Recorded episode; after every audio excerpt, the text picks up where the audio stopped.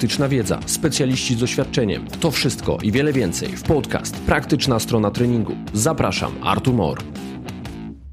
Cześć. Dzisiaj spotkanie z top of the top e, treningu siły mięśniowej w Polsce.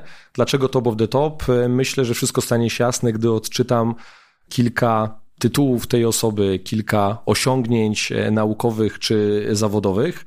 Dzisiejszy gość to mistrz świata i Europy w wyciskaniu leżąc oraz wicemistrz świata i Europy Federacji IPF w trójboju, pracownik naukowy AWF Katowice, kierownik na tamtejszej uczelni Zakładu Treningu Sportowego, autor na chwilę obecną ponad 100 prac naukowych, które były cytowane ponad tysiąc razy. W swojej karierze trener Stocha, Małysza, Błachowicza i wielu innych zawodników najróżniejszych dyscyplin sportowych. Panie i panowie, dzisiaj moim gościem doktor habilitowany, profesor AWF Katowice Michał Wilk. Cześć Michale. Cześć, witam wszystkich. Jest co czytać o tobie. Historia 28 e, lat e, zabawy treningu siły mięśniowej, bo rozpocząłem w wieku 12 lat, teraz 40. Cały czas do przodu. Cały czas zabawa mm. przynosi efekty i rozwój. I generalnie mam nadzieję, że to nie koniec uczenia się siły, bo sam mogę powiedzieć, że nadal się tego uczę, nadal się tym rozwijam i nadal mnie to cieszy i bawi. Czyli masz cały czas pokorę pomimo doświadczenia i dorobku naukowego? No, y, przede wszystkim pokorę, bo tak naprawdę moim największym sukcesem y, kariery naukowo-zawodniczej, sportowej, bo to jest wszystko razem, to tak naprawdę są porażki, bo, bo to porażki mnie uczyły największego dystansu do tego, co się robi, bo, bo jak są sukcesy, Stok zdobywał dwa złote medale olimpijskie, wszyscy gratulują, cieszą się, idzie się dalej. Jak jest porażka, zawodnik przegrywa, to nagle wszyscy szukają, gdzie był problem i, mhm. i każdy odpowiedzialny trener i, i, i, naukowiec szuka go w pierwszej kolejności u siebie, więc, więc to były momenty, w którym im bardziej się dostało że tak powiem, pod dupie za przeproszeniem, tym większa korzyść, bo do tego trzeba mieć pokorę i swobodę i bawić się tym. Mimo wszystko wywodzisz się, mimo wszystko, po prostu wywodzisz się z trójboju siłowego. Czyli najpierw zdobywałeś doświadczenie w treningu siły, a potem zacząłeś o tym treningu siły doczytywać? Tak to było? Taka jest ta właściwa narracja? Tak. Początek wieku 12-13 lat to jest klasyczny trening kulturystyczny, bo bardziej e, chciałem być kulturystą. No, poza tym też no, nie ukrywałem już to, e, też wcześniej mówiłem, że siła była mi potrzebna ze względów e, bezpieczeństwa własnego życia, bo moje młodzieńcze lata może nie były najłatwiejsze, mhm. więc, więc to był taki sposób na, na pewne problemy. Ale od samego początku było dążenie do do pozyskania informacji, więc w pierwszej kolejności gazety y, kulturystyczne, jakieś ulotki, jakieś informacje bardziej z piwniczych y, stron, bo nie było wtedy dostępu do internetu, bo to był, lat, to był 96 rok, ale później przychodziła świadomość, pojawił się internet, pojawiło się poszukiwanie planów treningowych, informacji, no i z tego tytułu też w późniejszym czasie była uczenia, był, był AWF Katowice, gdzie z jednej strony poszedłem po to, żeby nauczyć się tak naprawdę o sile, a z drugiej strony spotkałem się ze ścianą, że po pierwszym roku chciałem zrezygnować z uczelni, bo, bo bieganie dla trójboisty, gimnastyka, piłka nożna, skakanie i tak dalej nie było tym, co chciałem tam odnaleźć, ale pomimo tego, że pierwsze dwa lata na uczelni były naprawdę bardzo trudne i spowodowało nawet spadek mojej formy sportowej, uh-huh. to dzięki też temu, że już wtedy osiągałem medale, poziom e, medali Mistrzostw Europy Świata, E, jakoś te e,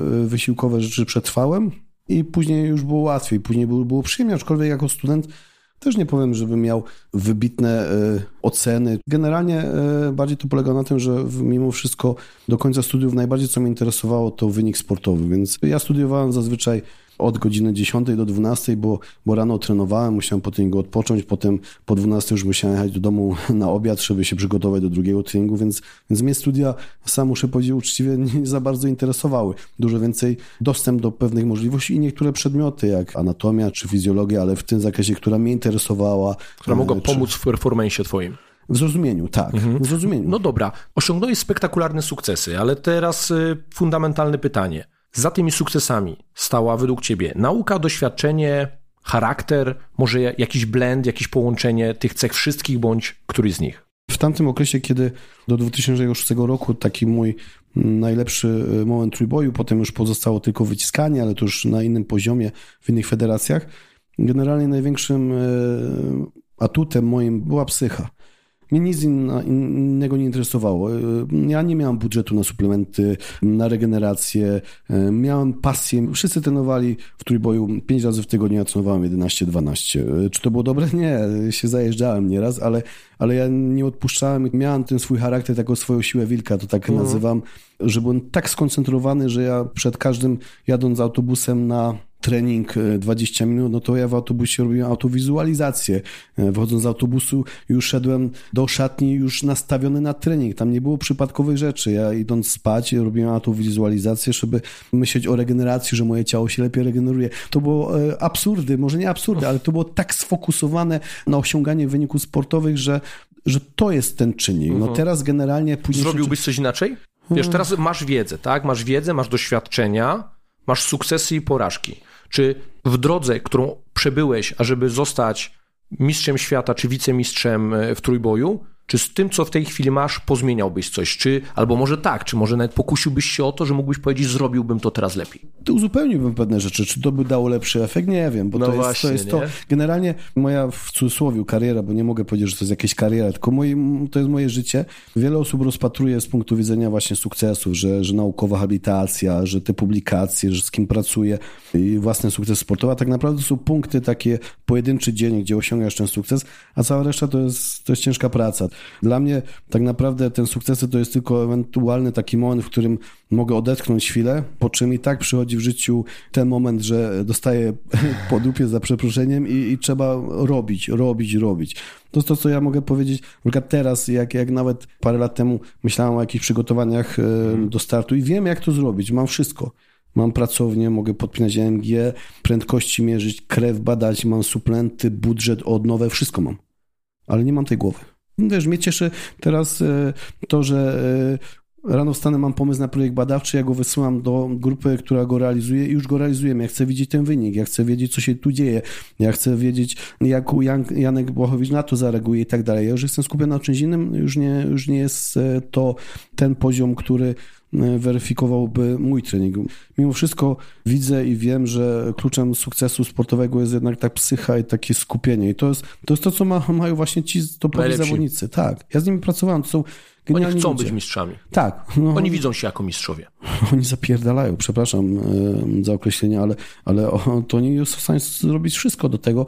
Teraz jest ta świadomość, że oni też słuchają tych e, ekspertów i tak dalej, więc posługują się tym sztabem ludzi, ale kiedyś tego nie było. Kiedyś była tylko ta psycha i mm. generalnie to jest coś, co dla mnie było no, kluczowym, kluczowym elementem, że ja w dążeniu do perfekcji wykorzystania swoich możliwości, które były, jeżeli chodzi o tryb życia czy zasoby finansowe, no zerowe tak naprawdę, bo e, jak ktoś mnie kiedyś pytał e, o dietę w przygotowaniach do Mistrzostw Świata, jak jeszcze byłem juniorem i wygrywałem z seniorami, to oszczędny kotlet to e, ja i moje rodzeństwo wiedzą, co to jest i jak go znaleźć na talerzu, więc tak. to nie było diety, tam było po prostu, tam było trenowanie i to jest Coś, co na pewno, gdyby do tego dołożyć suplementację. Byłoby lepiej. Wydaje się, że byłoby lepiej. Na mhm. pewno coś, czego mi brakowało bardzo i o czym nie miałem w tym czasie zielonego pojęcia, to stabilizacja, stabilizacja centralna. To jest, był mój słaby punkt, dlatego ja wychodząc ze sztangą, najwyższy mój wynik w przyjaźni ze sztangą był 380,5 kg przy wadze niecałej 100 kg. To zawsze moim problemem było utrzymanie pozycji stabilnej. Jak wychodziłem, jak tylko sztanga weszła w wibrację, to drgania mnie zabijały, więc, okay. więc typowo siła była przeogromna, ale tym wewnętrzne napięcie tego nie było, tej stabilizacji, mm -hmm. tego czucia mięśniowego i to jest coś, co trójboistom od razu powiedział, że jedną jednostkę poświęcać albo dwie w tygodniu na, na core, na stabilizację. Mm -hmm. No dobra, właśnie, teraz ty jesteś w miarę na bieżąco z tym środowiskiem? Co, nie, Śledzisz znaczy, czy nie? E, wyniki, teraz porobiło się mnóstwo federacji, tych e, zawodów jest mnóstwo. Żeby każdy miał szansę. Tak. Znaczy, Żeby każdy mógł być ani mistrzem. nie chcę tego e, krytykować, ani nie mam takiego zdania. No, jest tak, że jest wielu mistrzów, mm, ale i tak patrzę zawsze na wynik. Jak jeżeli Jasne. ktoś na przykład w, w mojej kategorii w 100 bez koszulki RAW robi no, 240-250 wyciskania, to w jakiejkolwiek nie federacji to i tak jest przemocny, więc, mhm. więc to ma dla mnie znaczenie e, ten wynik, a, a ja go nie realizuję, no to no dużo się pozmieniało. Dobra, a powiedz mi, co przerwało twoją karierę? To była świadoma twoja decyzja, czy to były kontuzje? Zawsze jestem ciekaw. E, pierwszym punktem takiego zwrotu mojej kariery i też się ani tego nie wstydzę, ani tego nie ukrywam, było dwuletnie e, zawieszenie, które mhm. w 2006 roku otrzymałem. Generalnie w tym czasie było to dla mnie szok i zawaliło mi się życie.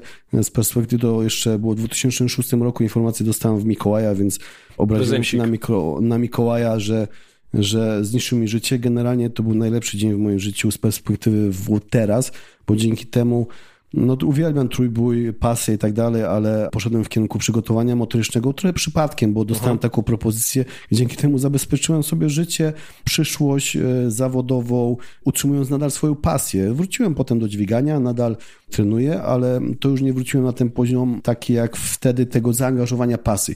Już zobaczyłem różnicę na przykład Wiesz, no, jesteś e, na zawodach trójbołowych, one mają swoją specyfikę, która trwa, czasami jest to nużące. Idziesz na mecz piłkarski jako trener, siedzisz na ławce, y, będąc na przykład na meczu w Legii, y, grasz z nimi i słyszysz 30 tysięcy osób kibicujących, no to jest inne, inny, wymiar, inny wymiar emocji, zrozumienia istoty sportu, aczkolwiek no, nie będę negował trójboju, bo jak najbardziej nie ma w tym nic złego. To po prostu mm, skosztowałem skoków narciarskich, skosztowałem tylu dyscyplin, dyscyplin sportowych, ale nadal ta bazowa wiedza, ona się opiera o kształtowaniu maksymalnej siły mięśniowej, czyli czuciu tego, tej progresji treningowej, takiego czucia treningu. To jest to, co no, możemy mm, przejść szkolenia, kursy i tak dalej, ale jak ktoś nie czuje tematu, nie ma takiego własnego czucia siły mięśniowej, treningu, to jest to zawsze sztuczne i nie daje takich efektów, jak powinno być. Mhm. No właśnie, no i przejdźmy w takim razie do meritum łączysz teorię z praktyką, czyli łączysz to, co jest w nauce i próbujesz znaleźć te implikacje praktyczne. Na ile to się zawsze udaje, na ile to jest reguła, a, a na ile to czasami możesz się nieźle zaskoczyć i rozczarować, że ta nauka, o której czytałeś, bo nawet sam ją zrobiłeś, nie ma implikacji praktycznych i jednak twoje doświadczenie kroczy przed nauką. So, generalnie jest tak, że w moim przypadku bardzo często to najpierw trening pokazuje coś, co potem udowadniamy. Mhm. Najlepsze projekty naukowe opublikowane e, w pracach w tych topowych żurnalach, powstały tak naprawdę między pomysły, koncepcje powstały na treningu siły. Wspólnie z też e, doktorem habilitowanym Michałem Krzysztofikiem wspólnie realizujemy większość, większość projektów. My jak realizujemy trening na, na jednej siłowni razem, to między seriami zawsze rozmawiamy i najlepsze projekty powstały dokładnie między seriami. On robi, ja robię wyciskanie, on coś robi, słuchaj, i każdy coś mówi, a ty a jakby okluzję założyć tu.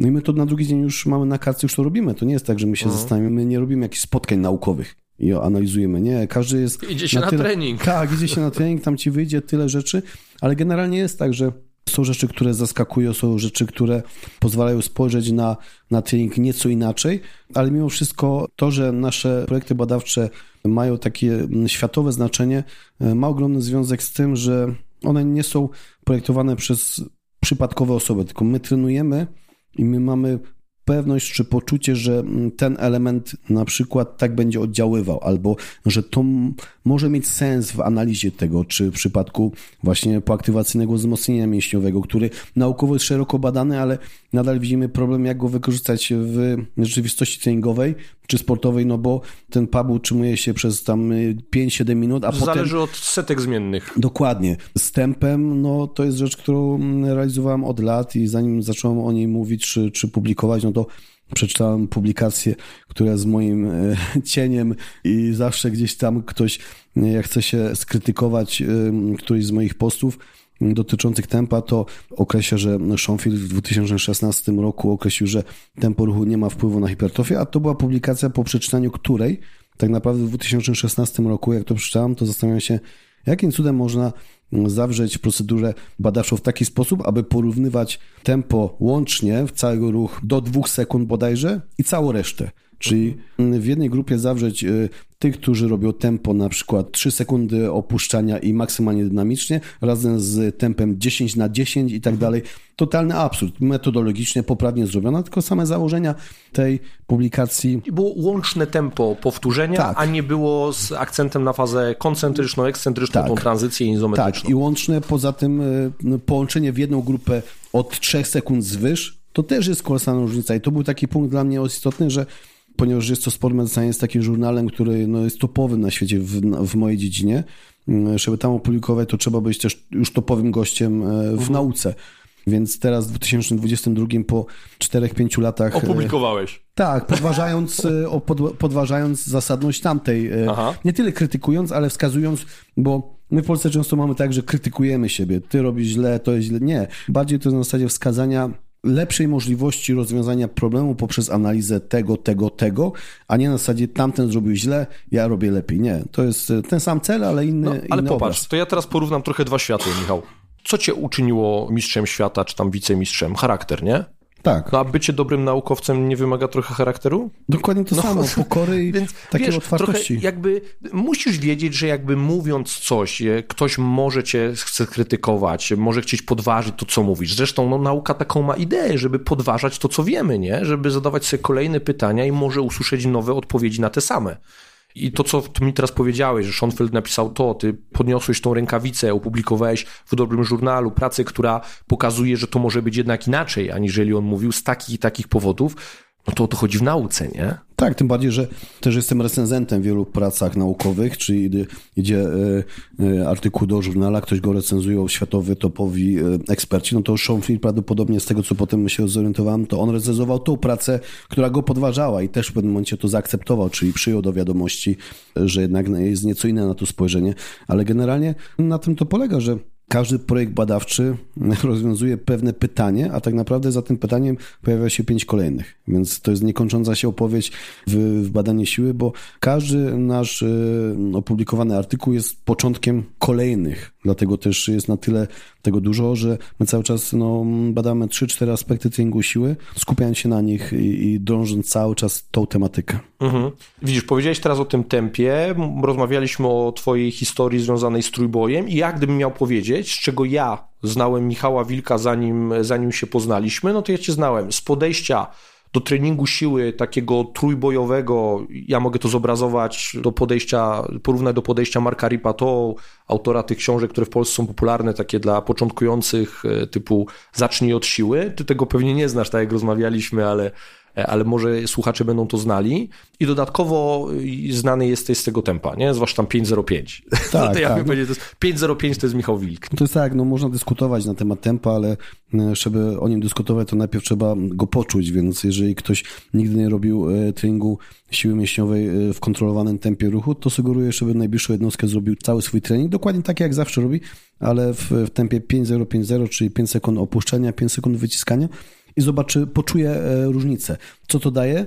Nie ma jednoznacznie, że jest to lepsze, gorsze. To jest element treningu, który do momentu tego 2016, tej metaanalizy, potem kolejnej z siły maksymalnej, generalnie był w świecie pomijany. Odkąd rozpoczęliśmy procedurę badań w, w Katowicach, która też generalnie nie była na początku jakoś optymistycznie nastawiona, bo pamiętam jak poszedłem do profesora Zająca, który no, jest kierownikiem katedry i, i zaproponowałem, czy powiedziałem mu, że chcę badać tempo.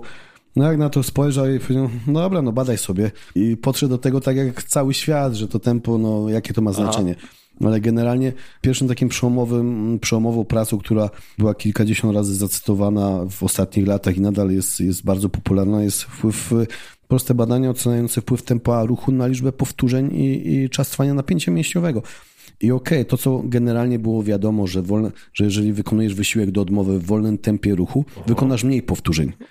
Ale nikt nie, nie doszedł do tego i nikt tego nie zauważył, że to, że wykonasz mniej powtórzeń, nie znaczy, że czas wysiłku będzie krótszy. Jest odwrotnie. W wolnym tempie upadek mięśniowy występuje kilka, Bo jest kilkanaście dłuższa sekund. faza ekscentryczna, tak. która jest mniej krótką, energochłonna na wielu płaszczyznach tak, i pozwala tak. na dłuższą pracę. Tak, i dlatego też to jest element, który no, można wykorzystać w wielu rzeczach. Poza tym. Wydłużasz teraz... czas napięcia tak. przy mniejszym stresie metabolicznym, tak. nie? Jakby żonglujesz. A dłuższy czas tym. napięcia też jest y, wzrost aktywność, poziomu aktywności mięśniowej. Dochodzi wewnątrz mięśniowa okluzja, bo okluzja mięśniowa, czyli ten drugi temat, którym się tak naukowo zajmuje, jest zewnętrzna poprzez kompresję, ale jest też wewnątrz mięśniowa i ona powoduje takie reakcje metaboliczne, których nie osiągniemy w normalnym skurczu, więc, tak. więc to jest taki temat, który jest tym moim e, w cudzysłowie konikiem, okluzja. No siła maksymalna i moc jako tak, bo, bo zawsze ten ciężar mnie kusił i to jest coś, co mnie zawsze kusiło ale mimo wszystko tempo e, ruchu, ograniczenie przepływu krwi, czyli okluzja mhm. mięśniowa, poaktywacyjne wzmocnienie, czyli te elementy, które tak naprawdę no, wykorzystują wszyscy moi zawodnicy i to jak przygotowywał się Małysz do Dakaru, to on tylko patrzył na kartkę treningową, jak widział tempo e, wolne, to mówi, ja. Nauczył się. Potem on mi wysyłał, bo nie zawsze na każdym treningu byłem, to, to że wszystko fajnie, ale tempo zabójcze, nie? I do teraz, jak z nim rozmawiam, to on, on to wie i, i każdy, kto zrobił trening w tempie, czy nawet Janek Błachowicz, tak naprawdę legendarna polska siła, ale on, e, pomimo tego, że jestem kojarzony z trójbojem i z ciężarami, to on nie robi treningu z, tak naprawdę z wysokimi obciążeniami zewnętrznymi, ale jest ten trening tak zaplanowany, żeby był efekt bez konieczności wprowadzenia dużych obciążeń, które stanowią zagrożenie ze względu na technikę, ze względu na, na przyciążenie. No jednak też patrzę na to, że bezpieczeństwo zawodnika, e, duże obciążenie zewnętrzne, zawsze to ryzyko e, jest tak, no, urazu. W pewnym momencie, jak jesteś dostatecznie silny, to musisz być dostatecznie dobry technicznie, żeby móc tą siłę rozwijać. I czasami technika boju ogranicza możliwości programowania danego ćwiczenia. Nie? To jest jakby bardzo practical application z perspektywy trenerów przygotowania motorycznego. I ja zawsze jestem tego orędownikiem, czyli nie zawsze power cleany, nie zawsze ciężkie siady, czasami z obciążeniem squat jumpy, trap bar czasami, rzeczy, które są bardziej zjadliwe dla tych ludzi. Tak, poza tym technika też poziom siły, ale czasami jest taki moment, że po prostu się nie skoncentrujesz w danej serii. No, no i jest ten moment, w którym coś się wydarzy, a wolałbym nie czytać w, w prasie czy w, w, social mediach, że Błachowicz... Y, Na no, treningu dostał tak, kontuzję. No, że, że z powodu siły i tak dalej. Generalnie są to zawodnicy, którzy, z którymi pracuję od lat i oni mają do mnie zaufanie i też zdają sobie sprawę, że urazy się zdarzają i to nie jest nigdy przyczyna jednego, jednego ćwiczenia, czy jednej sytuacji, czy, czy treningu siły mięśniowej. Mhm. Spróbuję rozwinąć wątek tego tempa, a właściwie tego, o czym powiedzieliśmy sobie, czyli praca w fazie ekscentrycznej, w fazie koncentrycznej, izometrycznej. Na ile w Twoim warsztacie, w Twoim treningu siły różnicujesz treningi, które są nastawione na trening ekscentryczny, typowo koncentryczny czy izometryczny, czy raczej korzystasz z wszystkich tych form pracy mięśniowej, a bardziej żonglujesz tempem, czy jednak czasami je odseparujesz i kładziesz jakiś akcent na którąś z tych faz? Generalnie to jest tak, że żongluję wszystkimi parametrami. Każdy mm, e, zawodnik, którym pracuję, to na każdy trening dostaje nową kartkę, gdzie ma wyliczone wszystko, czyli od serii rozgrzewkowej do do najwyższego ciężaru. Czasy przerwy, ile powtórzeń, ile serii, jaki ciężar, bądź ewentualnie nawet do jakiej prędkości dążymy, dążymy w, w ćwiczeniu. Ale e, jeżeli chodzi o różnicowanie, najczęściej jest to różnicowane, jest to globalne połączenie ekscentrycznej, koncentrycznej pracy z akcentami, właśnie zwolnienie ekscentryki bądź zwolnienie koncentryki, bądź tak jak na przykład skokach narciarskich, no oni jednak w pozycji najazdowej zjeżdżając na dół, kilka sekund są w pozycji statycznej i startując y, czy rozpoczynając fazę wybicia, nie wykorzystują y, cyklu skurczo-ściągania, tylko On ze statycznej. Myślę, zawsze będzie. Wiesz, to jest trochę tak jak masz osobę, której powiesz zrób skład jumpa, nie? Ona musi tak. nieźle główkować, żeby nie tak. zrobić tego przyruchu w dół, bo to jest tak odruchowe, że on będzie chciał zrobić chociaż krótką ekscentrykę, to fajnie widać, jak się ich zaczyna testować na frostplate'ach pierwszy raz, Tak, nie? tak, ale u skoczków jest tak, że oni ze statyki ruszają, tak? bo to wahadełko u niektórych jest bardzo niekorzystnie potem wpływa tak? na całość, także okay. generalnie i na przykład u skoczków jest tak, że że bawimy się z statycznym zatrzymaniem izometrycznym. Uh-huh. Jeszcze kolejną rzeczą, która jest w skoczku, to antenki, e, czyli coś, co nigdzie indziej tego nie widziałem, czyli no jest naturalna tendencja, że im większy ciężar, uh-huh. tym robisz płytsze przysiady. Generalnie poza trójbójstami wszyscy tak mają. A żeby e, rozwijać siłę mięśniową, czy aktywność, czy koordynację nerwowo-mięśniową, bo siła mięśniowa jest wynikiem wzrostu koordynacji nerwowo-mięśniowej, to należy wykonywać ćwiczenia w maksymalnie zbliżonej specyfice do potrzeby.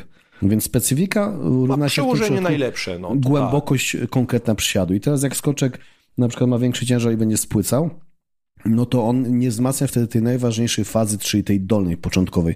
Więc każdy z zawodników ma swoją antenkę wymierzoną. Antenkę, taka antena jak z radia e, tak. i mają na desetce i on robiąc przysiady ma dotknąć antenki. Jak za mocno dotknie, to antenka no, włoży się, złoży się tak. troszkę niżej, ale każdy ma ustawioną swoją głębokość, mhm. swoje centymetry. I są treningi, że na przykład ktoś ma wyjściowo 38 centymetrów antenkę, że, że wysyłam informację, czy jestem na treningu i ten, ten robicie antenkę minus dwa. Czyli wtedy na przykład nie zwiększam im intensywności y, czy ciężaru, ale obniżam im zakres. Nie? Zakres im daje tak, kopa. Tak. I teraz, bo na przykład y, jest chłopak mocny, bardzo mocny, który uzyskuje w normalnej swojej głębokości wartości prędkości sztangi takie, które są za wysokie, żeby mhm. kształtować, czyli potrzebuje większego ciężaru. Ja nie chcę go pchać na większy ciężar, bo ze względów no z młodu chłopak rozwija się, nie ma idealnej techniki jeszcze mhm. taką, więc wolę mu pogłębić przysiad. Mhm. W ten sposób uzyskuję niższe prędkości, te, które mnie interesują w e, kształtowaniu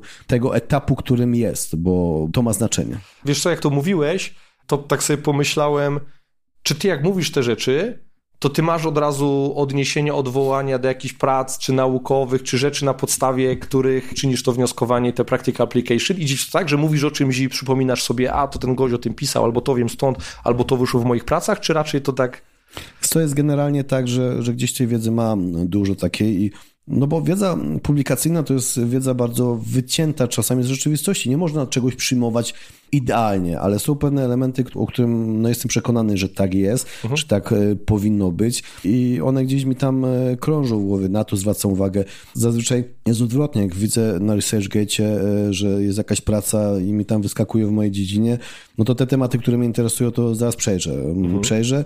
Oczywiście patrzę, jaki to jest żurnal, bo bo w Polsce już też teraz powiedzmy jest bardziej popularne, że ktoś się powołuje na, na publikacje naukowe, ale to jest tak jak e, w sporcie jest liga, mhm. jest ekstraklasa, jest liga mistrzów i tak dalej, ale są też niskie ligi, które, których wartość jest niższa i też trzeba brać to pod uwagę. A czy wykorzystuje wyniki badań naukowych? Oczywiście. Oczywiście to jest coś, co jedno, że ja je realizuję, jak mam pomysł, rano wstaję i mam pomysł na badania, to po prostu je zaczynamy realizować. Kwestia tylko zgody komisji biotycznej, ale mamy je generalnie na te nasze pomysły. A druga rzecz, że naprawdę publikują na świecie fajne rzeczy, na przykład odnośnie tempa, coś co generalnie nie zwracałem jakiejś większej uwagi, bo cały czas ostatnio, czy nawet moje publikacje czy innych bazują na określeniu czasowo tego tempa, mhm. 2 do 5 i tak dalej, ale teraz y, niedawno się ukazała fajna publikacja, która zwraca uwagę nie tyle na wartość samego tempa, ale na stosunek czy przewagę e, tempa w koncentrycznym bądź ekscentrycznym, czyli nie na konkretnie wartość, tylko czy koncentryczne było dłuższe od ekscentrycznego, czy odwrotnie, czyli mhm. inaczej I, na to spojrzeli. No i, i badali wpływ na co? To była bardziej review e, praca, okay. czyli o, poglądowa, ale fajny pogląd i mieli jakieś tam e, ciekawe takie swoje spostrzeżenia, czyli mm, w tym moim temacie pokazali inne spojrzenie, na które jestem otwarte. Poza tym ja recenzuję rocznie kilkadziesiąt różnych e, prac światowych, więc mam dostęp do tych prac, zanim one są opublikowane, bo, bo jak ktoś chce na świecie opublikować... Zdążysz się pokłócić z autorem, zanim praca wyjdzie. tak, autor na szczęście nie wie, kim ja jestem, więc A, ja okay. czasami wiem, bo czasami są podwójnie ślepe, czasami jest tak, że ja wiem, kto jest autorem, ale wiesz, no mam od razu dostęp i widzę, mam wpływ tak naprawdę i to jest miłe, bo mam wpływ na ostateczny kształt tej pracy, bo, bo mogę ją troszkę podważyć, mogę zasugerować. Oczywiście, jeżeli ktoś pisze o tempie i nie wziął pod uwagę e, moich wcześniejszych analiz, to sugeruję, żeby jednak spojrzał na to w sposób taki jak ten i musi się do tego odnieść. Więc dlatego to się tak, e, ten temat tempa umarł, e, najpierw był gdzieś tam w latach 2005-2006, coś publikowane, potem umarł w tym 2016, ale odbudowaliśmy go jako, jako ośrodek katowicki i, i tak naprawdę teraz e, jakakolwiek procedura jest badań dotycząca hipertrofii, siły maksymalnej, czegokolwiek, to w procedurze musi być zawarte tempo. Jak nie ma zawartego tempa, to wynik e, już e, może być niewiarygodny. To tempo musi być, czyli to jest fajne, że teraz większość prac, które się pokazują w dziedzinie siły e, z tych renomowanych, no jest informacja, jak, jakie było tempo. Bo co innego jest badać tempo, jakiś efekt hipertroficzny, jak ktoś robili wolicjonalne tempo, a co innego jak, jak było kontrolowane i tak dalej. Co znaczy wolicjonalne też warto wiedzieć, bo ja wiem, że moje wolicjonalne wynosi tyle, ale innego zawodnika, który ma dłuższe kończyny, będzie wynosił inną wartość. Czyli jak mamy porównać dwóch zawodników, u którego jeden powtórzenie trwa półtorej sekundy, a u innego zawodnika trwa trzy sekundy na przykład, no to jest, ma to znaczenie, więc to jest taka fajna zabawa, zabawa w siłę. Mhm. To ja słuchając ciebie, łapię z tego, jak wiele zmiennych jest, o których czasem w ogóle nie myślimy programując trening, bądź krytykując jakąś koncepcję treningową. Co ja nie? generalnie nie, nie krytykuję żadnej koncepcji treningowej. Nie, nie, ja... niektórych, niektórych e, czasami nie rozumiem. Okej, okay, czasami widzę katastrofy. E, trenuję w różnych miejscach i widzę, ktoś coś robi i Jakkolwiek zawsze staram się znaleźć w tym ten aspekt e, tej koncepcji. No dlaczego, nie? Dlaczego on tak robi? Bo też często jestem, to jest taka rola, tak jak e, współpracuję z iloma zawodnikami, czy polskich lig, czy, czy ze świata w sposób niejawny, czyli mhm. mamy ukryte tak jakby kontrakty, bo oni są w jakichś tam klubach i tak dalej. Tak. Ja jestem tym uzupełnieniem. To tak samo nieraz było tak, że w, w niektórych związkach byłem osobą, która tak jakby po cyklu przygotowań do Igrzysk Olimpijskich, jak coś nie było, oceniałem tak jakby strukturę przygotowań, czego generalnie nie lubiałem, bo bo nieraz była sytuacja taka, że okej, okay, ktoś robił coś i według mnie to było niepoprawne, ale to nie jest kwestia tego, że było niepoprawne, tylko ja w tym nie widziałem sensu. I uh mhm. -huh. to jest może mój błąd, że ja nie widzę jakiegoś sensu. Gdybym miał możliwość konfrontacji się z tą osobą, spytać się go, ty po co robisz, nie wiem, wspięcia e, na palcach e, przed przysiadami, e, bo ja w tym na przykład sensu nie widzę, ale może on widzi w ten sens taki, którego mhm. ja nie widzę, bo tak mówię, ja siłą zajmuję się 28 lat i nadal się uczę. I Wiesz, tak mówię, jest, jak ja bym na przykład powiedział w jakiejś sytuacji, no to ja bym pomyślał tak, no dobra, ma ktoś ma problem z z zakresem ruchomości w stawie skokowym, to niech go zmobilizuje sobie poprzez spięcia, opuszczenie niskie pięty, ok, dobra, jest jakiś argument, nie? I czasami trzeba je usłyszeć po prostu, nie? Bo czasami te argumenty nie są takie oczywiste. Tak, bo tu nie chodzi o taką krytykę, bo hejtowanie, my jesteśmy hmm. tak w Polsce nastawieni na takie to złe, dobre i tak dalej. Nie, nie ma rzeczy dobrych, złych. W każdej sytuacji jest e, indywidualizacja. Tak samo przede wszystkim w badaniach naukowych e, ja często, jeżeli są wyniki jakichś badań, które bardzo mnie interesują, to proszę o bazę danych, e, bo mhm. teraz jest tak, że publikując, no musisz dać bazę danych. Więc ja wtedy mogę sobie przejrzeć i zobaczyć indywidualne y, odpowiedzi. I teraz regularnie jest tak, że na przykład dotyczące okluzji mięśniowej, że na 20 badanych będzie 10-12 pozytywnie, mhm. dwóch będzie mm, bezobjawowo ani negatywnie, negatywnie, mhm. ale 4-5 będzie negatywnie. Mhm. Wyjdzie ci istotnie statystyczna, że grupa wyszła pozytywnie ale w tej grupie czterech zareagowało na przykład e, średnio albo niekorzystnie. No, nawet niekorzystnie. Więc, więc to jest ważne. Masz zawodnika i w drużynie piłkarskiej nie przygotowujesz drużyny, tylko przygotujesz, przygotowujesz każdego zawodnika. Czy ja patrzę na każdego zawodnika, patrzę troszkę na niego jak, jak na taką książkę, którą widzę okładkę i tak szukam, co tam napisać, czego mu brakuje, jak go przeczytać. Dla mnie największą trudnością i największym sztuką jest odczytać potrzeby zawodnika. Nie zepsuć go, zanim go zrozumiem bo ja go muszę wyczuć, ja muszę widzieć, jak on reaguje, jak się regeneruje, jakie ma doświadczenie, jak się do tego podchodzi, no bo e, można mówić o usprawnianiu, o, o dbaniu o, mm, o funkcjonalny ruch, o, o motorykę jako ruch pełny i tak dalej, a są zawodnicy, którzy na przykład przez 15 lat robili przysiad y, niepoprawnie mhm. i teraz pytanie, czy po 15 lat mu zmieniać ten przysiad, zaburzając mu całą jego wewnętrzną, naturalną, niepoprawną, ale naturalną strukturę, która spowoduje, że całość on zregresuje, on tak, się cofnie, on będzie tak. dźwigał mniej, czyli te cele zbudowane z siłą maksymalną będą trudniej realizowane, a jeszcze ryzyko jest, że ten okres przejściowy adaptacji do nowej techniki będzie tym zwiększonego ryzyka kontuzji. Tak, i, a mamy na przykład, nie wiem, pięć tygodni przygotowania i wtedy tak. podejmujesz decyzję, ty jako trener, co robisz i na ile masz możliwości. No, no jest dużo różnych możliwości rozwiązania, ale wtedy podejmujesz ty i działasz z tym indywidualnie. Mhm. Michale, nie ulega wątpliwości, że trening siły mięśniowej wymaga monitoringu poziomów siły. Nie? I teraz wykonywania różnego rodzaju testów. Niektóre są bardziej zarezerwowane dla laboratoriów, inne są bardziej o takim zacięciu praktycznym, które wykonujemy na co dzień, niektóre są bezpośrednie, niektóre pośrednie. Czasami możemy wykorzystywać bardziej finezyjny sprzęt pomiarowy, a bardzo dostępny, jak na przykład te wszystkie koncepcje w oparciu o Velocity Based Training, czyli te akcelerometry czy liner transducery. Z czego ty korzystasz? Bo do tego zmierzam. Jak trzeba... testujesz siłę i może u kogo? Trochę takich tipów. Pierwsze trzeba sobie zadać pytanie, jak długo test siły jest wiarygodny? O. Okej. Okay. Dzisiaj zrobimy test siły najbardziej dokładny. Nie ma znaczenia jaki, ale powiedzmy, że rzetelny. Wyjdzie komuś, że ten poziom siły ma na wiem, 115 kg. No okej, okay. no ale dzisiaj, a za dwa dni będzie adaptacja nastąpi. Ile będzie silniejszy? Nie wiadomo. Za tydzień po trzech jednostkach, ile będzie silniejszy? Więc pierwszą kwestią jest to, czy my potrzebujemy tak bardzo precyzyjnie określać poziom siły mięśniowej, w mojej opinii nie, bo i tak on tak postępuje, że, że dzisiejszy test, nawet wiarygodny, dokładny, nie będzie wyznacznikiem idealnym do jutrzejszego testu. No Poza i próżno tym... też zakładać, że to będzie przyrost, czyli że my będziemy e, Zawsze progresować. No, bo może tak. się okazać, że za tydzień ktoś będzie o 10% słabszy. E, ja generalnie bazuję na takich e, dwóch rzeczach. Pierwszą rzeczą, no, żeby realizować, muszę zrealizować jakiś test. Jeżeli zawodnika nie znam, to muszę zrealizować w pewnym momencie jakiś test wartości optymalnego obciążenia, tak to bym mógł powiedzieć, plus minus, e, czy tam będzie błąd 3 czy 5%, to dla mnie nie ma większego znaczenia, czy nawet więcej, ale jest tak, że po dwóch tygodniach takiej wstępnej adaptacji, treningu wstępnej adaptacji, gdzie e, stopniowo wzrasta obciążenie, co znaczy stopniowo, no wiesz, jak ktoś jest pierwszy raz u mnie na, na treningu i z nim, no to robi przysiady, robi na pustej sztandze, widzę, że jest poukładany, idzie na 40 kg, widzę, że jest poukładany, zrobił 10 powtórzeń, to przez pierwsze dwa tygodnie robi i tak treningi bez wyczerpania mięśniowego, czyli zależy mi na tym, żeby w pierwszych dwóch tygodniach liczba powtórzeń była taka, że wykonuje 10, ale mógłby wykonać 15. Mhm. Czyli ma mieć zapas i wtedy ja już go obserwuję. Ja sobie zaznaczę na kartce plus po każdym treningu, że tu plus, tu plus, tu plus, aż czasami zdarza się, że przypadkiem dojdzie do jakiejś granicy i na przykład na 60 kg w wyciskaniu leżąc poszedł z 50, było lekko, szedł na 60 i zrobił tylko 7 powtórzeń. No ten 7 powtórzeń jest wynikiem. Jest wynikiem testu, ja sobie go przeliczam współczynnikami. On jest wiarygodny? Nie, nie jest super dokładny, ale to wystarcza. On nie musi być dokładny, bo sama siła mięśniowa zbyt szybko będzie się zmieniała. Na ile korzystasz z takich subiektywnych, ale w mojej ocenie bardzo praktycznych rozwiązań, chociażby skala reps in reserve? Skali rep nie, nie stosuję nigdy, nie lubię. Mhm. E, wiesz, okej, okay, dlaczego? Bo teraz, wiesz, ja na przykład mam zupełnie inne doświadczenia i spróbujmy poczynić pewną argumentację. Dawaj.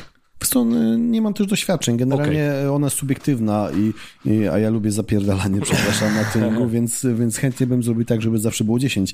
E, e, I generalnie wystarczy, że dasz wolne tempo i będzie 10. Tak. Ale to zależy też, czy jest zawodnik na, na początkowym etapie, czy, czy na późniejszym, bo tu mi na przykład, jeżeli chodzi o kontroli treningu, to jest to troszkę jak rep.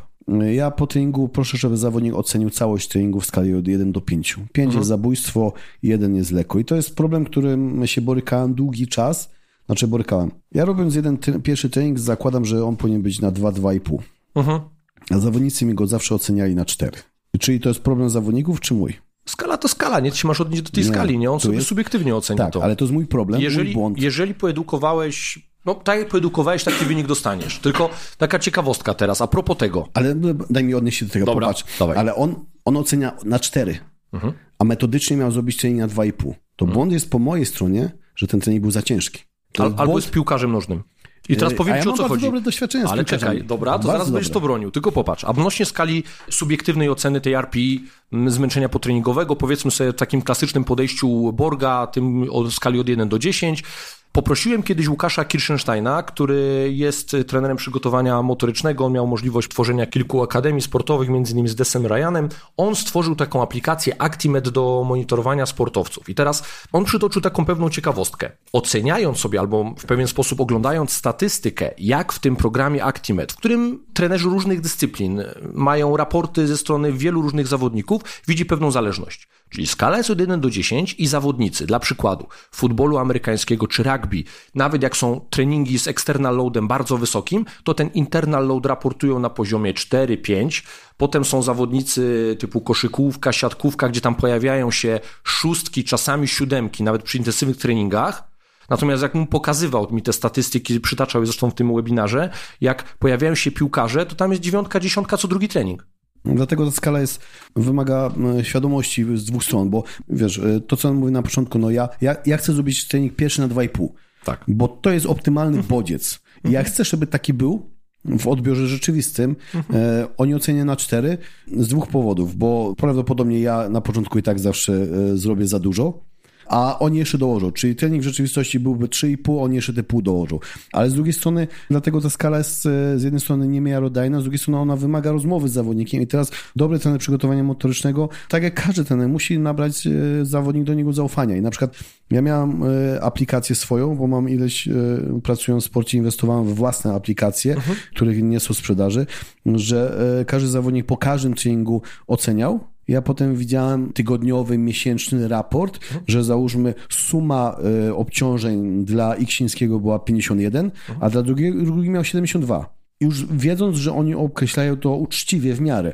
Więc teraz ten 51 to on za, za lekko trenował, on powinien trenować ciężej, bo on powinien być w skali na przykład, y, ja uważałem w tym momencie właśnie w tej grupie powyżej 60 i to jest istotny element. Poza tym jest coś takiego jak, jak też była sytuacja taka w siatkówce, jak wiele lat pracowałem, że było tak, że zawodnik e, nagle zgasł, po treningach no piątki, trening nie był lekki, no coś się dzieje, no i idę, rozmawiam, a wtedy był krach na giełdzie, on popłynął dużo finansowo, problemy, wiesz, spanie, emocje i tak dalej, no i co wtedy zrobisz? No musisz jako dobry trener przygotowania motorycznego dostosować trening do jego możliwości wysiłkowych, czyli odpuszczasz mu bo nie jest, jego organizm nie jest w stanie pociągnąć takiej intensywności, żeby był gotowy na mecz, to ja zaraz do trenera i to jest też problem trenerów przygotowania motorycznego, na ile potrafią na ile współpracują z trenerami głównymi, że ich zdanie nie opiera się tylko, ok, dzisiaj od 11 y, do 12 mam siłę i tym się mam zająć. Nie, na globalnym. Ja zawsze y, szedłem do trenera i mówię trenerze, do głównego, ten, ten przygaśnie i trzeba mu odpuścić, ten też mu musi,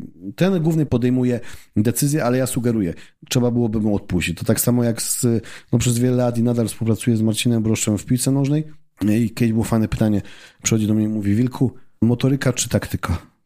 Dobre, to jest, wiesz, to jest duży kredyt zaufania, nie? A ja mówię, no taktyka. To ja zrezygnuję z motoryki, treningu motorycznego na taktykę, bo jak już do, dobrze zawodnik poukładany, wie gdzie biegać, to on mi zaoszczędzi tę motorykę. Nie żadna motoryka nie nadrobi braków taktycznych. To jest właśnie taka otwartość i takie zaufanie, które wiadomo, że to wymagało lat, bo, bo jak pamiętam pierwszy sezon w Podbeskidziu Bielska Biała, jak, jak wprowadzałem i mówiłem, że wprowadzamy trening kulturystyczny, etap, wiesz, robiliśmy periodyzację, wstępna adaptacja, e, hipertrofia, która i tak nie wystąpi, bo to jest trening pod kątem hipertrofii, ale ta hipertrofia nie wystąpi, bo jest dużo biegania i tak dalej, potem siła maksymalna moc, to no, trener jak hipertrofia, to się obawia, że będą jak kulturyści, a to każdy, kto trenuje, nie rozumie, to jest taka no. prosta, tak. że to jest nazwa, dlatego ja potem używałem trening pod kątem, nie trening kulturystyczny, tylko trening pod kątem, hiper, że robimy tak. etap hipertrofii. Okej, okay. to jeszcze moje słowo komentarza do tych subiektywnych skal oceny intensywności treningu, czyli do tej skali powiedzmy RIP in reserve. Ja widzę jej praktyczną zastosowanie w taki sposób. Jak mam osobę początkującą, to ona i tak będzie źle oceniała. No bo ma zrobić 8 powtórzeń czy 6 powtórzeń, pytam, zrób to na RIR 2, tak? Czy mamy dwa w zapasie, jeżeli ona jest niedoświadczona z treningiem siłowym, nie zaadoptowana do tego, no to najprawdopodobniej tam będzie RIR 4 albo 5, a ono już powie, że już nie daje rady, bo się boi tego ciężaru, bo nie jest tym oswojona, nie? Trafi się na takiego gościa jak ty, który zrobi ostatnie powtórzenie, widzi, że to było ostatnie, on powie, że jeszcze jedno zrobi, nie? Albo przynajmniej spróbuje i powie, że to nie był jego jeszcze maks. Ale na początku lubi to zastosować trochę przewrotnie, czyli jak taka osoba mi mówi, RIR 2, a ja mówię, widzę, że to jest RIR 4 albo 5, tam był duży zapas, jeszcze tym bardziej to było 5-6 powtórzeń, czyli dwukrotność tego, to ja lubię stosować serię plus. Czyli mówię, ok, no to teraz w takim razie zrób serię tyle, ile możesz na tym ciężarze. I oni są zdziwieni, bo nagle robią nie RIR 2, tylko jeszcze robią tam 3-4 powtórzenia więcej. I mówią, o, ja mówię, zobacz, jaki silny jesteś, nie? Czyli już mam tą potencjację poprzez pokazanie silny gość. Potem faktycznie u takich średnio zaawansowanych zawodników, już z jakimś bagażem doświadczeń, raczej z tego rezygnuję i przerzucam się na procenty czy na takie bardziej obiektywne dane, ale wracam do tej skali RIR u takich harpaganów, bo jest to fajna forma autoregulacji. Czyli on widzi, że jak ma dzień konia, jest dzikiem dzisiaj, to on nagle okazuje się, że on dorzucił 15% na sztandze, a to jest dla niego ten sam RIR, bo to był idealny dzień. On wstał tak, jak miał wstać, zregenerował się. A ma gorszy dzień, widzi już, że w serii na przykład ostatniej rozgrzewkowej tu już mu się nie klei, no to się zaczyna regulować tym. I tu jest taki ważny element, bo, bo my, e, ja też przez wiele lat bazowałem na tym, że planuję trening i ktoś go realizuje. U mnie nie było możliwości na dodawanie ciężaru, odejmowanie, nie. Ma być zgodnie z tym. I chyba, że było akurat za ciężko, że ktoś nie wykonał, to wtedy czegoś nie, nie, nie wykonywał. Ale generalnie Problem polega na tym, że wiesz, y, ty planujesz to zakładając jakąś dyspozycję w dniu, a ta dyspozycja w tym dniu niekoniecznie musi tak wyglądać. Dlatego ja już i w swoim treningu wprowadziłem no, kontrolę prędkości i wtedy... E, Velocity-based training. Tak. Znaczy nie jako całości, tylko kontrolę prędkości w mm, doborze pierwszej kolejności decydowania, czy jednostka ma iść zgodnie z planem. Bo mhm. ja dzisiaj planuję ciężki trening, ale na przykład ja miałem, nie wiem, na 160 kg wyciskanie leżąc taki bazowy test, i widziałem, czy generuje taką prędkość, która mi mówi, że jest ok, że mój organizm jest naprawdę dzisiaj gotowy na objętość, czy widzę, że kurde, plan fajny, ale z jakiegoś powodu moje ciało nie będzie w stanie dzisiaj tego zrobić. To są poza tym dostępne sprzęty. Już nie mówimy, że ktoś musi sobie kupić Tendo czy te Line Transducery, może kupić sobie akcelerometry, które są za 1000 zł w tej chwili dostępne i zdecydowanie mu to poprawi obiektywizację procesu treningowego, nie? Także warto. Tak, mm. bo, e, bo tutaj dodam jedną rzecz, że wiesz, jesteś w stanie określić, e, oceniać progresję, bo jeżeli wczoraj robiłeś, e, czy parę dni temu robiłeś, nie wiem, przysiady na 130 kg i, i robiłeś 0,8 na przykład metra na sekundę, a dzisiaj robisz ten sam ciężar, ale masz wyższą wartość, to znaczy, że nastąpi przyrost. Tak. Pod warunkiem, że jest ta sama głębokość przysiadu i tak dalej. Tak, ale, tak, tak. ale jesteś w stanie widzieć progresję. Dlatego na przykład co do testów, jak określę wartość obciążenia tą wyjściową plus minus, uh mhm. -huh. to ja potem nie robię nigdy testów. Podzielam. Ewentualnie ukryte. wychodzą ukryte, te, które A. ktoś wykonał siódme powtórzenie jako maksymalne, to zaznacza sobie to jako punkt ten krytyczny, bądź drugą rzeczą są coś takiego jak punkty krytyczne ciężaru, że na przykład przy siadach ktoś robi przysiady do 90 na przykład czy 100 kg fajnie technicznie i jest to poukładane, a nagle przekracza 110 i nagle puszczają mu na przykład plecy. Mhm. I on siłowo pod względem siły kończyn dolnych mógł być, y, stosować większy ciężar, ale technika blokuje, więc, tak jest. więc jest punkt tak jakby, ja to określam sobie punkt krytycznego obciążenia, do niego pracujemy, uczymy. Oczywiście próbujemy znowu przebijać ten i uzupełniamy ten słaby punkt, bo on może wynikać ze, ze stabilizacji, z jakiejś innej, czyli widzę punkt ten, ale nie mogę wejść na ten ciężar ze względu na, na blokadę techniczną. No i teraz jakby fundamentalne pytanie, które jest bardziej przedmiotem rozważań, bo nie udzielimy tu jednoznacznej pewnie odpowiedzi. Natrafiasz na taką przeszkodę, nie? Czyli puszczają komuś plecy, tak jak powiedziałeś, no i teraz jako trener masz do wyboru. Albo chcę dalej pozostać w tym przysiadzie, powiedzmy, jako narzędziu do kształtowania siły, jako temu ćwiczeniu i muszę skorygować tą siłę mięśni grzbietu w górnym odcinku na przykład, bo, no bo ona puszcza, czyli muszę na to poświęcić czas i pewne nakłady energetyczne zawodnika, czy pieprzę to i zmieniam ćwiczenie, które, w którym on może dalej progresować bez specjalnej atencji na naprawianie tych popularnych ostatnio słabych ogniw. Wiesz co, ja y, zwalniam tempo w fazie ekscentrycznej. I to mi się podoba, trzecia opcja. trzecia opcja. Znaczy jest opcji tak. No, Art of coaching, no bo de facto... tak. I to jest właśnie też zaleta zwolnienia tempa, ruchu, nie patrząc na to, czy to jest bardziej hipertrofia, siła maksymalna i tak dalej, ale ono pozwala nam na efektywne bodźcowanie struktury mięśniowej przy obniżonym obciążeniu zewnętrznym. Czyli na przykład nie mogę wejść na 130 kg, tylko muszę zostać na 100 kg. Chcę, żeby bodziec był na, na dokładnie ten, w tym obszarze mięśniowym albo w tej strukturze techniki, bo tak naprawdę siłę maksymalną i moc nie kształtujemy w mięsiach, tylko kształtujemy w konkretnym ruchu, w ćwiczeniu. Więc chcę to zrobić, to wtedy bodźcuję przede wszystkim tempem, a drugą rzeczą, y, jako y, drugie ćwiczenie, y, gdzieś szukam uzupełniającego ćwiczenia, czyli robię tak jakby miks tych, tych dwóch rzeczy, mhm. co ty powiedziałeś. W sumie robię miks trzech, no bo dochodzę do punktu, jak już na tym punkcie ma tak lekko treningowo, to dodaję wolne tempo, bądź mogę dodać okluzję, mhm. która właśnie będzie stymulowała te efekty bez konieczności wchodzenia na większe obciążenie zewnętrzne. Dodatkowo robi uzupełniające ćwiczenie, które ma aktywować czy bodźcować ten mięsień, który mnie interesuje. I też skupiam się na tym punkcie słabym, który muszę poprawić, bo docelowo chciałbym przekraczać te granice obciążenia zewnętrznego. Ja też jestem zwolennikiem testów ukrytych, żeby była jasność, nie? no bo na dobrą sprawę wykonanie samego one rep max, powiedzmy w tym przysiadzie, samo w sobie już jest treningiem, nie? Dojście do tego, wykonanie tego One Rep Maxa, a teraz ok, to znaleźliśmy Maxa, to robimy teraz trening, nie? A najczęściej to już po robocie, a jak mamy dwa ćwiczenia, trzy siłowe, no to de facto mamy start w zawodach trójbojowych, nie? Tak, a poza tym popatrz na no to ryzyko, no wiesz, no okej, okay, jestem zwolennikiem ciężarów, ale, ale jednak pilnuję bezpieczeństwa po co mi pchać e, zawodnika na, na wysoki ciężar, jak ja generalnie chcę pracować. Mhm. Rzadko mi się, gdzieś tam dochodzę do 90%, mhm. to u tych mocniejszych, takich, znaczy mocniejszych, doświadczonych zawodników. Generalnie pracuję na, na niższych wartościach, mhm. więc po co mi się pchać i ryzykować na, na, na jakieś przeciążenia, bo to nawet nie chodzi, nawet jak ktoś ma dobrą technikę, to pojawiają się gdzieś te granice ciężaru, testując e, jedno maksymalne powtórzenie, no musisz dojść do punktu, że przekroczysz, czyli tak. nie staniesz czegoś, a w tym momencie się dzieją cuda. Ja, wiesz co, odnośnie tych właśnie rzeczy, ja też zaczynam na to bardzo patrzeć. Wiesz, kiedy tak przytoczę taką konkretną sytuację, chcąc wykorzystywać elementy takiej pracy ekscentrycznej, szybkiej, tego hamowania ekscentrycznego na przykład z tą sztangą, czyli możemy robić takie dropy, takie uniki pod sztangę, gdzie robisz szybki unik, sztanga na ciebie spada, taki ty musisz to wyhamować. Alternatywą dla tego może być praca na tych platformach izoinercyjnych, tych flywheelach. Możemy zastosować podobne strategie, czyli i tu i tu gdzieś kombinować z takim przeładowaniem ekscentrycznym. Tu też przedmiot dyskusji, czy ono tam występuje, jakiej strategii musimy użyć, żeby to było. I ja w praktyce, w praktyce obie te formy są dopuszczalne, ale w praktyce zauważyłem jedną rzecz. Jak robię na platformach izoinercyjnych te przysiady z tą strategią hamowania ekscentrycznego w szelkach, mogę cisnąć na maksa. Te szelki pięknie mi rozładowują napryjenie się na kręgosłupie, dociążam sobie nogi. Jak robię to ze sztangą, czuję w plecach, nie? Ta sztanga na mnie spada i czuję, że nie tam szarpie, jak miałbym sportowca, ja nie chcę, żeby go szarpało. Ja Dokładnie, nie chcę, bo to wiesz, e, środek ciężkości masz przełożony wysoko i przesunięcia przód, tył, no to jest moment. Ja tak jak patrzę na przyjad, to wiesz, wszyscy zwracają uwagę na kolana, na stopy i tak dalej. Ja pierwsze co patrzę, to punkt ustawienia sztangi, bo to jest krytyczny punkt. Wychodzi do przodu, ciągnie do przodu, tak. plecy dostają. To nie ma, wiesz, nie przełamiesz tego. To jest takie, wiesz, wizualnie, ciężko byłoby mi to tak by opisać słownie, ale ja to widzę, że bo to jest tak, że każdy ma indywidualny układ. Ja w pierwszej kolejności, jak uczę kogoś przysiadów, to szukam dla niego układu. Nie generalnego, tylko mhm. dla niego. Są zawodnicy, którzy odnajdują się w każdym, szerokim, wąskim, takim, ale szukam indywidualnej techniki, która jest optymalna dla zawodnika. To skończmy temat testów siły maksymalnej.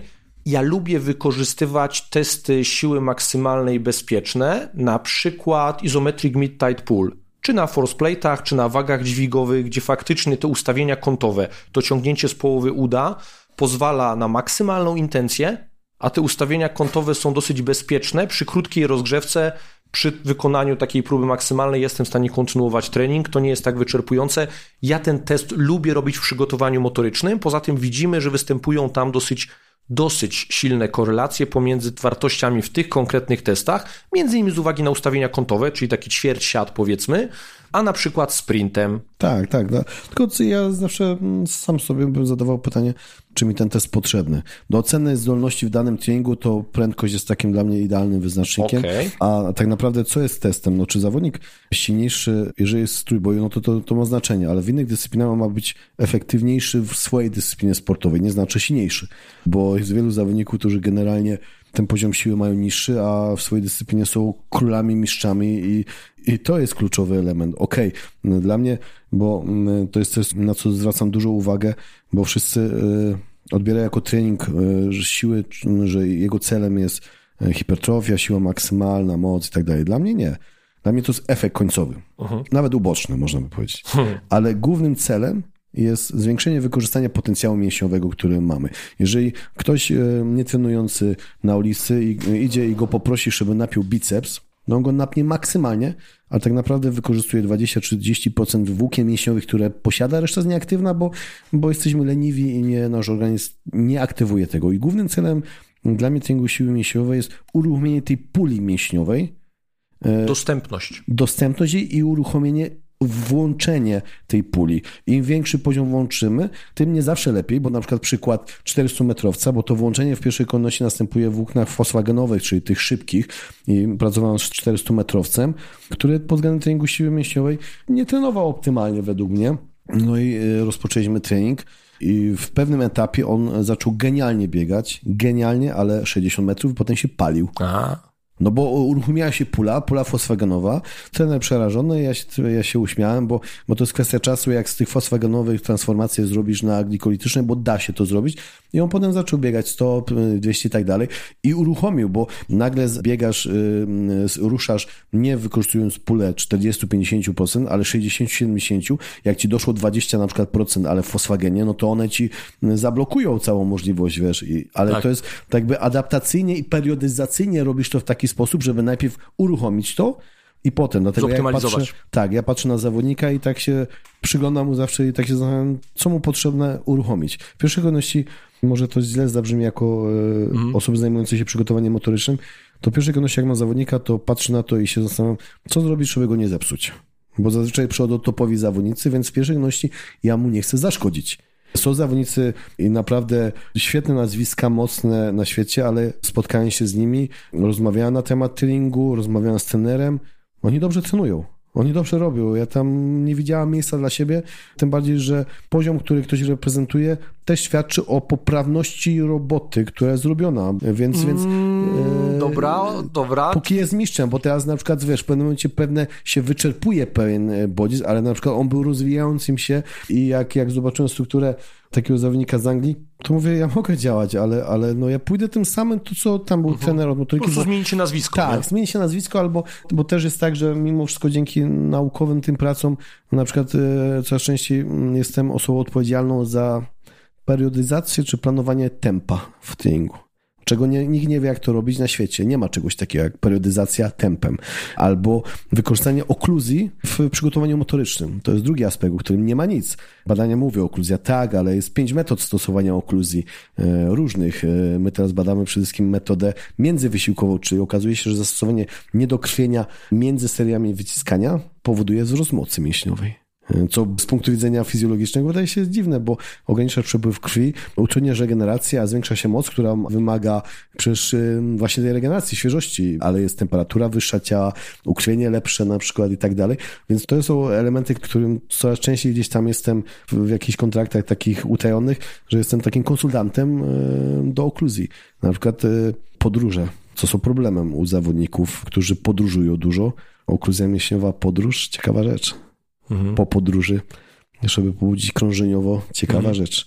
Przed wysiłkiem, w przerwie między wysiłkiem, no, e, zimno, e, niska temperatura, ciężko się dogrzać, e, utrzymaj tu temperaturę, do startu zostało 10 minut, a tu już jesteś w okolicach, gdzie za bardzo nie masz jak się rozgrzewać, albo jesteś przebrany, albo przygotowany, okluzja, znowu ciekawy moment. Ja, widzę jakiś uśmiech, tego nie widać na nagraniu, ale ja to widzę, że zacząłeś mówić o, o badaniach naukowych, o pomysłach na badania naukowe, o pytaniach badawczych, i się uśmiechnąłeś, czyli jesteś w dobrym miejscu w swoim tak. życiu. Znaczy ja to stosuję w rzeczywistości. To jest coś, co, o czym ja mówię, że to zawodnicy sportowcy stosują, z którymi pracuję, bo to jest coś. E, hmm. Śmiejemy się, że okluzja kończyny górne bądź dolne, a może by na szyję założyć. no, jak ktoś chce przetestować, to zapraszamy. Okay. Komisja bioetyczna by się nie zgodziła, ale, ale hmm. ciekawy pomysł. Tak jest. Michale, ja na pewno ze swojej strony chciałbym podziękować, że znalazłeś czas, żeby ze mną porozmawiać, ale na pewno też chciałbym zachęcić do śledzenia Twojego profilu w mediach społecznościowych.